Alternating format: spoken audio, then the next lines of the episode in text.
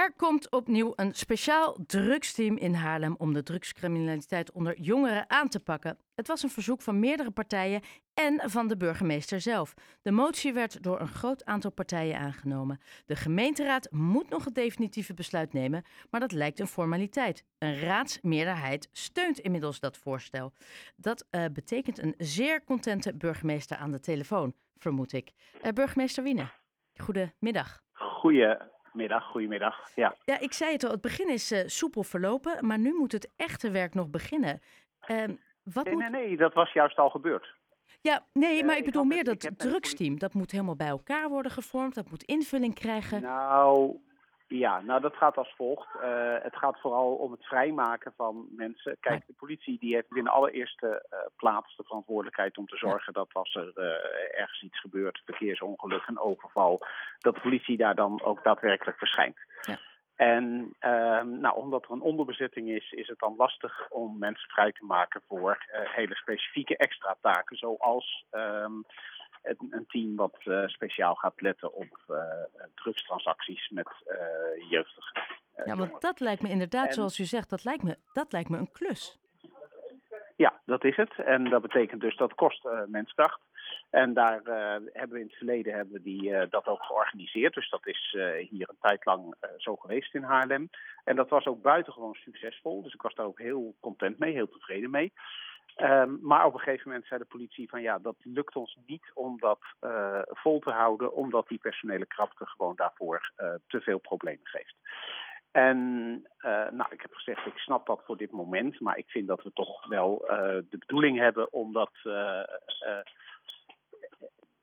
om dat toch weer te herstellen. Ja, maar, maar en, daar, um, mag ik daar kort ja. op inhaken? Want dat was in ja, 2020. Door, uh, in 2020, door dat personeelstekort, ja, is die, die stekker daar toen uitgetrokken. Inmiddels is dat pers, personeelstekort uh, nog steeds een heel groot probleem. Is er dan een kans dat we om identiek dezelfde redenen dit alsnog niet slaagt? Of heeft u er nu, hoe zit dat? Nou, ik heb met de politie overlegd en afgesproken dat uh, er wordt niet een team permanent gevormd, want dat is uh, niet mogelijk. Maar uh, er wordt met enige regelmaat wordt er een, een, team gevormd. Die dan voor een, een, periode dat weer doet. En, en, dan weer een tijdje niet en dan weer een tijdje wel. dat, is, dat gaat lukken, ook met ondersteuning vanuit de regio. Omdat er een flexteam bij de politie is. En daar kunnen dan mensen worden ehm, ingezet. Die kunnen niet permanent naar Haarlem, want dat, dat uh, zou onterecht zijn, want dat is voor de hele regio bestemd. Um, maar die kunnen hiervoor ook worden ingezet. En dat gaan we doen. En op het moment dat je niet consistent of structureel een team hebt, maar gewoon on en off, zo gezegd, ga, gaan we, gaat dat echt het verschil maken in deze grote problematiek? Ja, ik denk zeker dat dat verschil maakt. Het punt is, uh, wij hebben op dit moment een situatie dat het verboden is, maar de pakkant is heel erg klein. En je ziet dat veel uh, jongeren dan bezwijken voor uh, de verleiding om dat te doen. het levert geld op en de pakkans is klein. En door gericht daarop in te zetten, wordt die pakkans veel groter. En er is nog een punt, niet alleen wordt de pakkans groter, maar uh, er staat ook een stevige sanctie op. Want ik mag een bestuurlijke uh, dwangsom opleggen. En dat betekent dat als iemand een tweede keer het doet, dat los van of justitie dan capaciteit heeft om er een zaak van te maken, dat is vaak waar het op vastloopt. Want dan is het toch te klein en dan uh, krijgt het de prioriteit niet en dan gebeurt er uiteindelijk toch niks. maar dat is niet meer zo. Als de politie het nu constateert, krijgt men een dwangsom uitgereikt. En uh, bij een tweede keer uh, leidt dat tot een boete van 2500 of 5000 euro. Uh, en dan merk je van, hé, hey, wacht even, dit is niet meer een leuk verdienmodel, maar dit is fors risico wat je loopt. Ja. Um, en dat, dat merkten wij toen het, toen het team functioneerde, merkten we dat dat ook zo functioneert. Maar u zei, het, het zal niet permanent, het team wordt niet permanent ingezet. Hoe vaak, waar moeten we rekening mee houden? Hoe vaak zullen zij daarmee bezig zijn?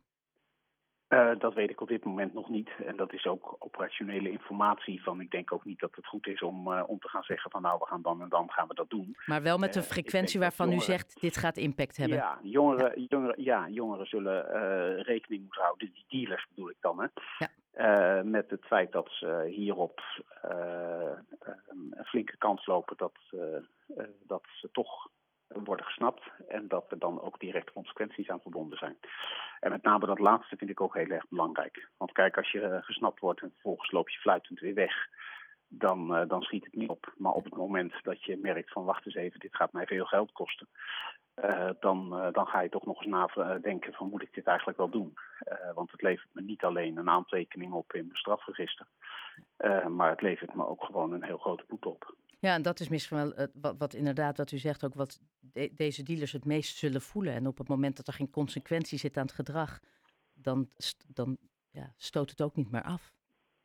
Nee, dat is precies het punt. En daar, daar maak ik mij zorgen over. Vind ik uh, slecht. En uh, dat, dat vindt de gemeenteraad ook. Die zegt ook van nou, wij vinden eigenlijk dat beleid zoals dat werd uitgevoerd heel erg goed. Dus uh, hopelijk lukt het om dat weer in de benen te krijgen. Um, en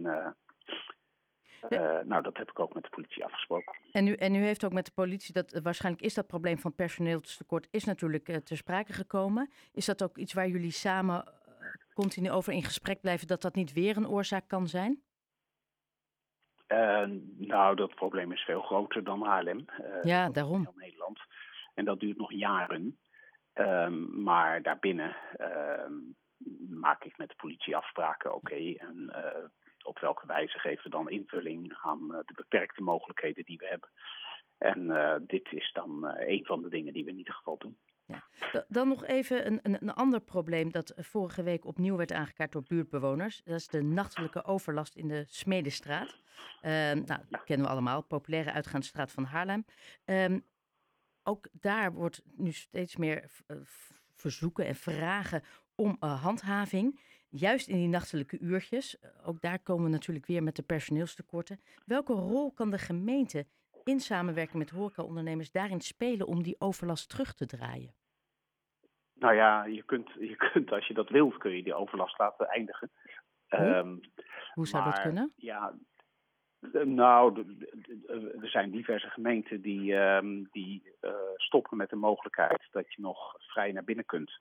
Dus dan kun je wel uh, uit blijven gaan, maar je kunt niet van zaak naar zaak gaan. En dat betekent dus ook als je eruit gaat, dan kan je niet meer terug. Als je dat doet, Blijven mensen op straat? Um, dat, dat wordt uh, soms het, het uh, verglijdende sluitingstijden genoemd.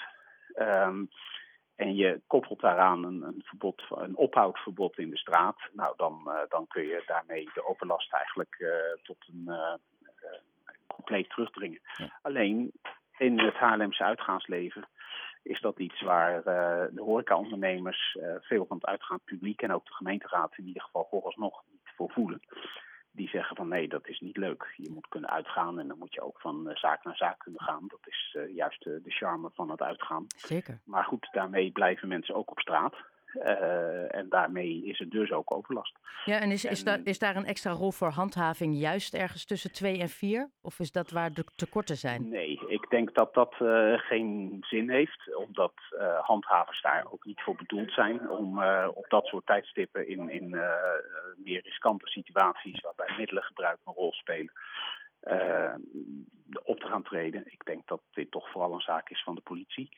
En dat we samen met de horeca kijken in hoeverre hun eigen beveiliging, uh, misschien systeams, uh, in ieder geval een dempende werking kunnen hebben. Ja. En verder willen we kijken welke fysieke maatregelen helpen om de overlast zoveel mogelijk terug te dringen. Um, en ik denk dat het goed is dat de bewoners in ieder geval kenbaar maken dat ze er last van hadden. Ik heb ze in uh, meerdere gesprekken heb ik met ze gevoerd en ook altijd gezegd van jongens, jullie geluid is in ieder geval uh, in, de, in de politiek niet hoorbaar. En wat dat betreft zouden jullie het verstandig gaan doen om dat ook onder de aandacht te brengen van bijvoorbeeld de gemeenteraad. op het moment dat er dit soort onderwerpen besproken worden. Tot nog toe hebben ze dat nooit gedaan. Misschien dat ze dat in de toekomst wel doen. En dat lijkt me verstandig. Ja, ja, want dan is in ieder geval duidelijk waar het om draait vanuit alle partijen. Uh, burgemeester Joswine, ja. heel erg bedankt voor uw toelichting en uitleg. Ja, en fijne avond nog. Dank je okay. Ja, hetzelfde. Dag.